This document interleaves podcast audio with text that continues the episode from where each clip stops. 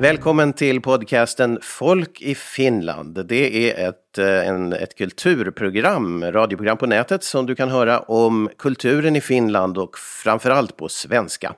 Vi intervjuar spännande människor som har koppling till Finland och vi talar om olika företeelser. Det är ortnamn på svenska och det kan vara herrgårdar som vi just nu ska prata om idag. Förra avsnittet så talade vi om Botby herrgård. Den ligger öster om Helsingfors centrum och var spännande herrgård under Sveaborg-tiden när Sveaborg försvann och eller hela Finland blev eh, erövrat av eh, Ryssland bland annat, spelade en viss roll eventuellt. Ja, vi pratade om Botby då och nu ska vi gå vidare men vi ska hoppa västerut och på andra sidan om Helsingfors blir det då, det är en herrgård som heter Kilogård och för det här så har vi med oss som vanligt Bo Lönnqvist, professor emeritus i etnologi och folklivsforskning. Välkommen Bo! Tack så mycket. Ja, vi ska tala nu om en trakt som, eh, ja, det var faktiskt så även vid Botby att du har själv bott i trakterna, men nu ska vi prata strax om Kilo där du också har bott. Och, men först det så tänkte jag på några saker när det gäller etnologi. Jag vet inte om du vill, skulle vilja eh, diskutera det lite grann, men det här med att samla på eh, folk livssaker. Det är ju något som man själv också, när man är intresserad av historia, man har, kanske bor på en gammal bondgård eller plats och man samlar på saker och hela det här. Hur, hur ska man tänka som amatör när man så att säga vill dra sitt lilla strå till stacken för framtiden och det gamla, bevara det gamla för framtiden? Eh, tycker du att man ska tänka på något visst sätt eller hur? Ja, det är ju en ständigt aktuell fråga det här med kulturarvet och vad mm. är kulturarv och hur bevara detta arv och, och i vilken mån är, är det fråga om det materiella arvet men sedan också om det här, om det här äh, immateriella och vi brukar ju, vi etnologer nog betona alltså att det hör ihop. Så att mm. då, då är berättelserna minst lika viktiga som tingen.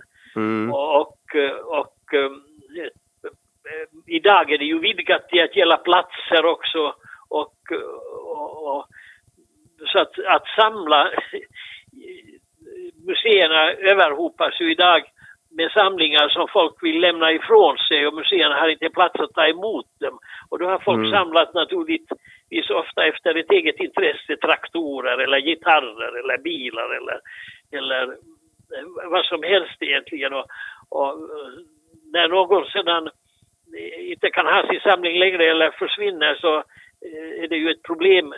Vad ska det bli av den och vem ska ta hand om den? Så att, att äh, jag talade en gång med en professor i zoologi om uppstoppade fåglar. Och då ja. sa han, det, det är nog bättre att ha fågelböcker än att ha uppstoppade fåglar som bara samlar damm. Ja, just det.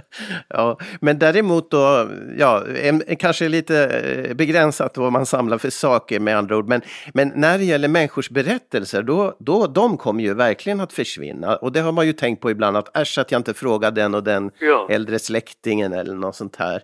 Så, så där kanske du skulle uppmana en, uh, olika som är intresserade av att ändå kanske intervjua sina äldre släktingar eller något sånt. Ja, och framförallt på det sättet att har man, ett, uh, har man gamla föremål eller det är ju det som är det tråkiga med antikhandeln att det är sällan mm. man får veta någonting om, om föremålets ägare och, och, och kontexten men har man Eh, tillgång till föremål som någon kan berätta om så kan det ju öppna sig hisnande historier. Jag har behandlat det här bland annat i min bok Dockskåpets hemlighet och i, i några tidigare essäsamlingar. Eh, ja. En heter eh, Folkdräkters genealogi och en annan heter Det andra och det annorlunda där jag har belyst olika föremål och berättelserna kring dem och, och man kan ju få en lång historia om ett, en enda sak. Så att mm. och, och då blir det ju inte fråga om att värdera föremålen. Och när man ser, alltså det finns ju ett antikprogram där man lägger uh, vikt vid just det här och det är det här engelska antikrundan där ja, det. det väsentliga är berättelserna och i mm. sista hand sedan så talar man om värdet. Så eh, fånga berättelserna om dina gamla saker och släktklenoder, det kan ju jo. vara en, en poäng att göra.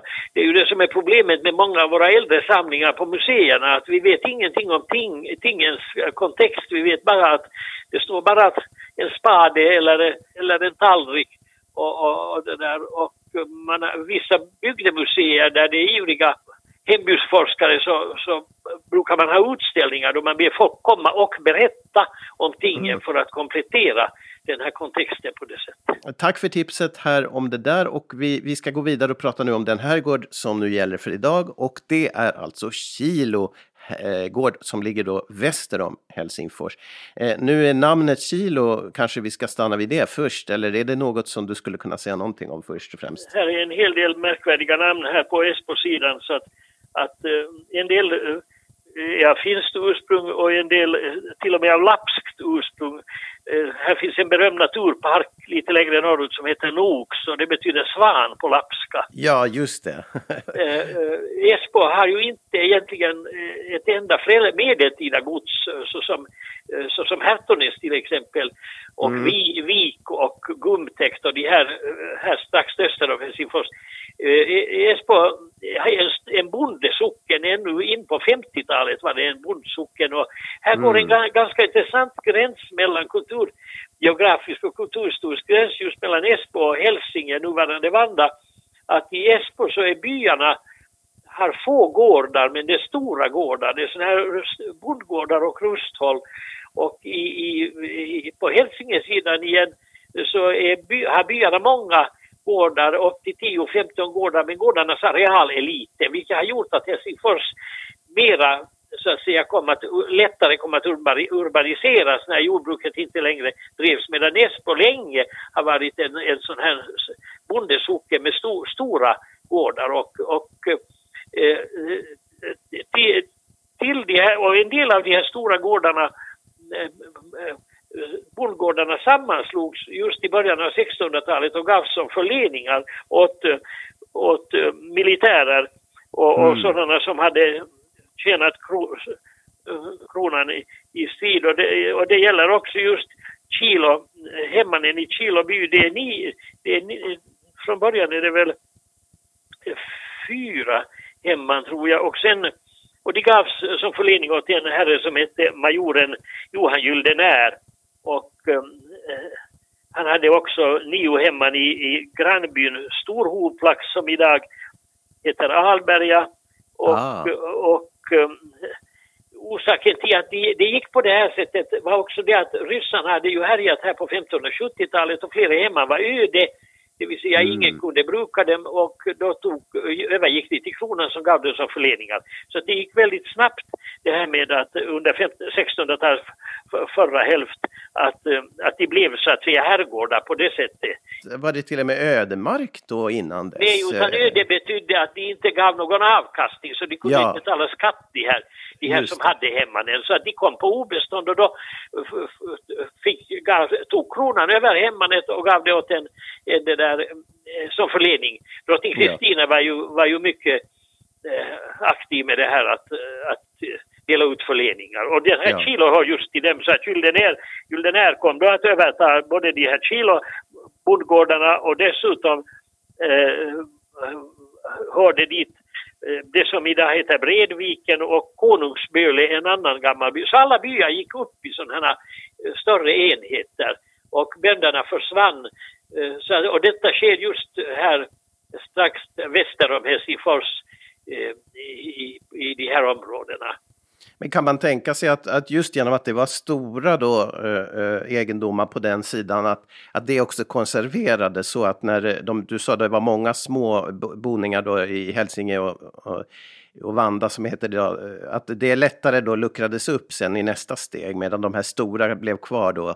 Bara på det, av det skälet att de var stora och att det, det, är det som konserverades så att säga? Det kan man säga för att, eh, att eh, nu drogs ju också järnväg, vår första järnväg från Helsingfors till Tavastehus, den drogs ju genom, genom det här östra området Malm, Hälsinge, Malm, ja. I denna dag åker man ju där och, och, och då kan mm. jag ju mm. se vilka, vilka bondgårdar som har legat under de här förorterna som, som har vuxit upp där efterhand. Och det skedde ju i synnerhet efter kriget, redan, men redan på 20 och 30-talet. Helsingfors stad exproprierade ju stora delar av de här områdena efter, efter kriget, medan Esbo bevarades länge. Så att ännu i min barndom så fungerade till exempel Kilo gård som en, en stor lantgård och jag minns från min tidigaste barndom till de ljud som jag minns var vällingklockan på ja, Kilogård som ringde ut på morgonen så ringde den in till mat på dagen, sen ut från maten efter två timmar och sen ringde den in till kvällen igen. Jag kan ja. ännu erinra mig det här vällingklockans ljud. Och jag har faktiskt som barn lekt med, med eh, pojkar som var, var vilkas föräldrar var anställda där som arbetare och annat på, på Kilogård. Så att, eh, och därifrån kommer väl eh, det här mitt herrgårdsintresse redan så att säga från de tidigaste åren. Och jag kommer ännu ihåg, där står kvar Kilo, något så, även om järnvägen till Åbo drogs där i början av 1900-talet, den här mm. västra kustbanan så, som stryker alldeles förbi gården så är ju, har miljön varit rätt väl bevarad. Där finns bland annat en allé av ekar som mm. planterades mm. kort efter 1808 års krig när ryssarna hade, här härjade ju ryssarna och, och brände ner och det där och eh, och där, där lekte vi i den där allén, så att det sådana här barndomsminnen. Och sen rinner där en, en bäck som, som var väldigt central för oss eh, barn och, och, och pojkar och den rann upp längre österut vid ett torp eh, som heter Monico och där man ja. bygger ett jättelikt skolcentrum med, med en stor skola för båda språkgrupperna, en svensk Eh, skola ska inrymmas där och en finsk skola. Så att, så att det här är, eh, och jag kommer ihåg det där torpet Monico när vi gick dit och de höll på med brödbakning där. Och jag har ja, sett när de tar ut på en brödspag, de tar ut de här kakorna ur den mm. stora ugnen. Så det var de här intrycken som formade ditt intresse har du sagt tidigare. Jo, ja, jo utan vidare. Så att Kilo har en sån här historia, flera andra gårdar här väster om Helsingfors har en sån här historia. De hör till 1600-talet och just den här, de här militärerna som fick förledningar. Och senare eh, så, eh, så kom ju också här Sveaborgs officerarna in och köpte eh, till sig, köpte de här, bland annat Alberga, ett sånt ställe som köptes av en, en officer på Sveaborg som hette Carter Smeden som kom från, från Dalarna hit som bergsingenjör till Sveaborg. Och de, de anlade sedan gruvor här och, och, och tegelbruk på samma sätt som öster om Helsingfors. Just det, och där under kriget då 1808 så lär det vara, det var någon gruva i närheten av, av Kilogård som man man gömde för ryssen då, eller vad? ja, alltså man, man, det, traditionen vet berätta, det, det där grovberget finns väl kvar. Ja, just det. Eh, mm. Och traditionen vet berätta att man fyllde de där gruvorna för att ryssarna skulle komma åt malmen där. Men, men det var, om det var sant så det vet man inte. Det är sådana lokala traditioner som jag har hört i, i, min, i min barndom också. Ja, just det. Men du själv bodde då inte på herrgården utan i en by bredvid eller hur var det? Närheten? Jo, jag bodde där, jo, inte så långt därifrån, eh, på ett bostadsområde som heter Gransbacken. Just det. Som, där det finns ett föreningshus i denna dag som heter Torstorp och det är anlagt just genom en donation från Kilogård. Så att här har vi den här andra aspekten då att gårdarna inte bara grundade folkskolor utan de stödde också föreningsrörelsen. Därför att den här svenska föreningsrörelsen var ju ett slags motvikt mot den hotade socialismen och kommunismen. Mm. Och sådana här agitatorer som rörde sig på gårdarna då i början av 1900-talet så var det ju viktigt att det kom till sådana här föreningar för att bilda den öjen och eh, Hembygdens vänner i Alberga grundades 1909 och då var det agronomen på Esbo, Herman Nyhamn, som, som eh, tillhandahöll den här parcellen och där byggdes då Torstorp. Menar du att det, var, eh, att det kanaliserade eh, bildningen på ett sätt som gjorde, eh, som skulle vara mindre skadligt då för jo, gårdens jo, klass? Jo, det, det, hade, det var ett, ett starkt strävan i början av 1900-talet och det förstärktes ju med Svenska Folkpartiets engagemang också. Mm. Och, och föreningsrörelsen kom ju att få en oerhört stor betydelse för bevarandet och överhuvud medvetenheten om detta att man att det fanns något sånt som, som svenska i Finland och att man var finlandssvensk. Den här benämningen mm. finlandssvensk kommer ju till just på 1900 10-talet, kring 1919 ungefär började man. Tidigare talade man bara om att om svenskar i Finland, svenska talande och finska talande ja, i, Finland. Man hade inte ens alls en sån här, ett sånt här begrepp som finlandssvensk. Och sen var här ju den dimensionen att de här arbetarna på de här gårdarna närmast Helsingfors, de förfinskades ju också genom att de sökte sig till Helsingfors och blev tvåspråkiga och sen finskspråkiga och så kom det in finskspråkiga arbetare istället till de här gårdarna när man inte fick folk. Men eh, den här Torstorp, ja det har samlat många eh, eh, människor i både fest och, och eh, föreningsverksamhet och diskussioner och debatter har du skrivit i din bok också. Det ligger magnifikt på en kulle där alldeles nära gården då. En viktig folks, folkplats så att säga. Var du även där eh, som barn eller?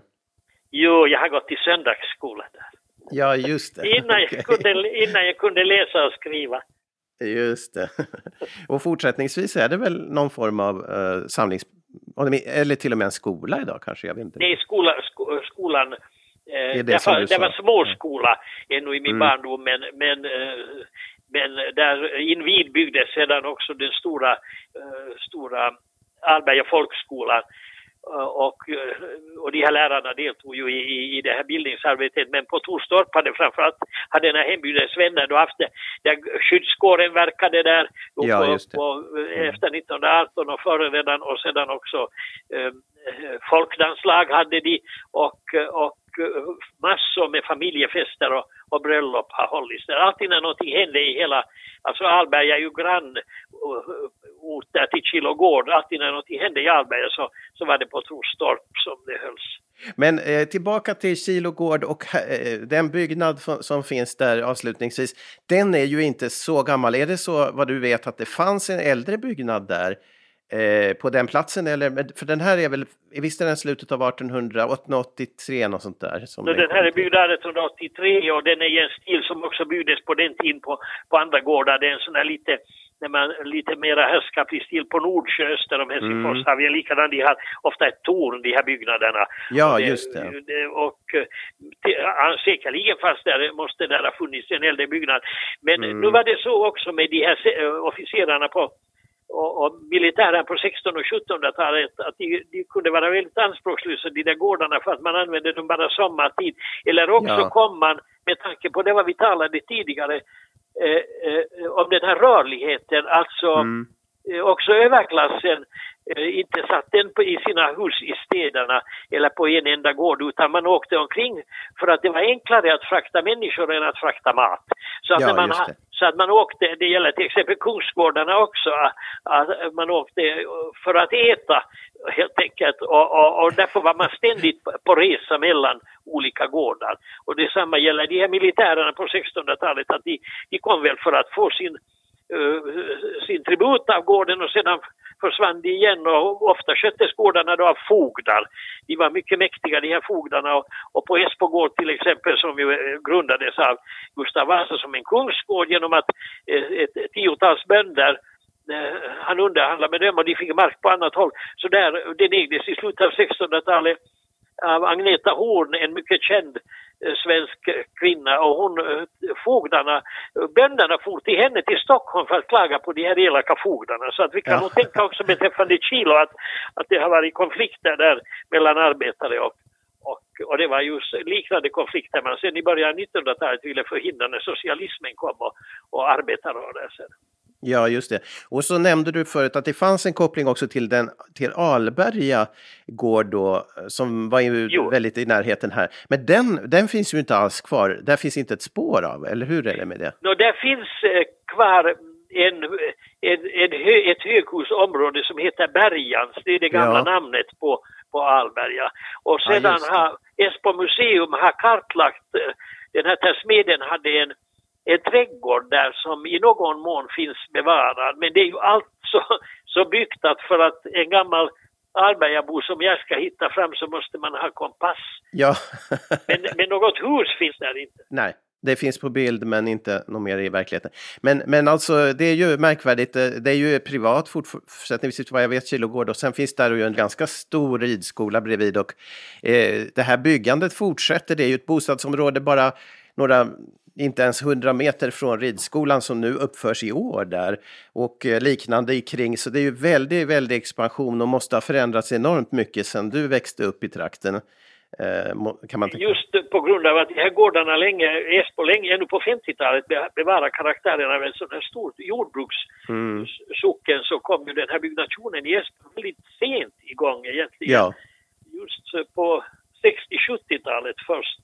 Mm. Och, och, nu då bygger man ut igen i, i, i, i vår tid där så det, det är en helt annan uh, struktur på jordexpropriationen i Esbo än vad, vad det är i det här grannkommunen Vanda där uh, det började redan på 1860-talet med järnvägen som dras. Ja, och, men återigen det här som vi har pratat om tidigare någon gång, den här är mitt sätt att tänka att, eh, att det här gamla, varför ska det förstöras? Och, men samtidigt så kommer det ju ganska snygga hus nu där de håller på att bygga just nu, där bredvid Kilogård och det är ju, eh, ser fint ut och blir bra, trevligt för folk och så vidare. Och, men allting förändras. Hur, det är svårt det där hur man ska förhålla sig till den här förändringen. Men ni etnologer, ni vet ju besked att det är också intressant med förändring, antar jag. Och det är ju mycket intressant därför att, och idag är man ju mycket mer medveten om miljön om jag tänker redan på den tid, eh, den mm, tiden. Och jag är ju just 80, som jag har upplevt här i Helsingforstrakten, hur mycket mindre man var medveten om sånt här på 60 och 70, 80-talet. Det är ju nu som man är mycket mer medveten, också arkitekterna är mer medvetna om, om att passa in det nya till det gamla. Och, och också ja. att man gör, ger värde åt, åt det gamla så att det blir kvar sådana här oaser på samma sätt som i Stockholm där man kan hitta gårdar som ligger mitt inne i, ett, i, en, i en förort så att säga. Ja, precis. Ja, ja. Det, det viktiga är kanske att för det första förmedla de här kunskaperna om de tidigare skeden i en trakt. Eh, både, mm. både rent naturmässigt och sedan kulturhistoriskt och, och, för att skapa liksom ett slags motverka rotlöshet. Och därmed har ju nog hela den här bildningsverksamheten Eh, Eh, skolorna, också forskarna, en oerhört viktig roll. Så som jag ser det att man, att man åker ut och håller föredrag och predikar om, om vad det har varit tidigare. Eh, och det har jag fått mycket god respons på eh, när jag har hållit föredrag för ett antal år sedan om den här boken Herrgårdar och rusthåll i Helsingforstrakten för finskspråkiga här på, på Vandasidan att man, man och också när jag har hållit föredrag i, i södra Esbo för, de, för finskspråkiga lokala eh, stadsdelsföreningar om vad, vad, som har, vad som finns kvar av fragment som, som han har. Jag minns en eh, till Kilo hörde ju också, som jag sa, Bredviken och på Bredviken ligger en förtjusande gammal byggnad som heter Älvik och, och när jag höll föredrag mm. där om familjen som jag har nära relationer till i tiden så var det en eh, av de här inflyttade Bredviksborna som steg upp och sa att nu börjar ju det här huset leva när man fick höra det här. Ja, precis. Och för oss eh, eh, som kommer från Sverige och inte vet så mycket om Finland så är det på samma sätt att eh, dina berättelser och det vi har fått av dig eh, får eh, Finland att leva faktiskt. Så jag tackar jättemycket för de här samtalen. Tack själv, tack ska du ha. Lycka till och ha det bra.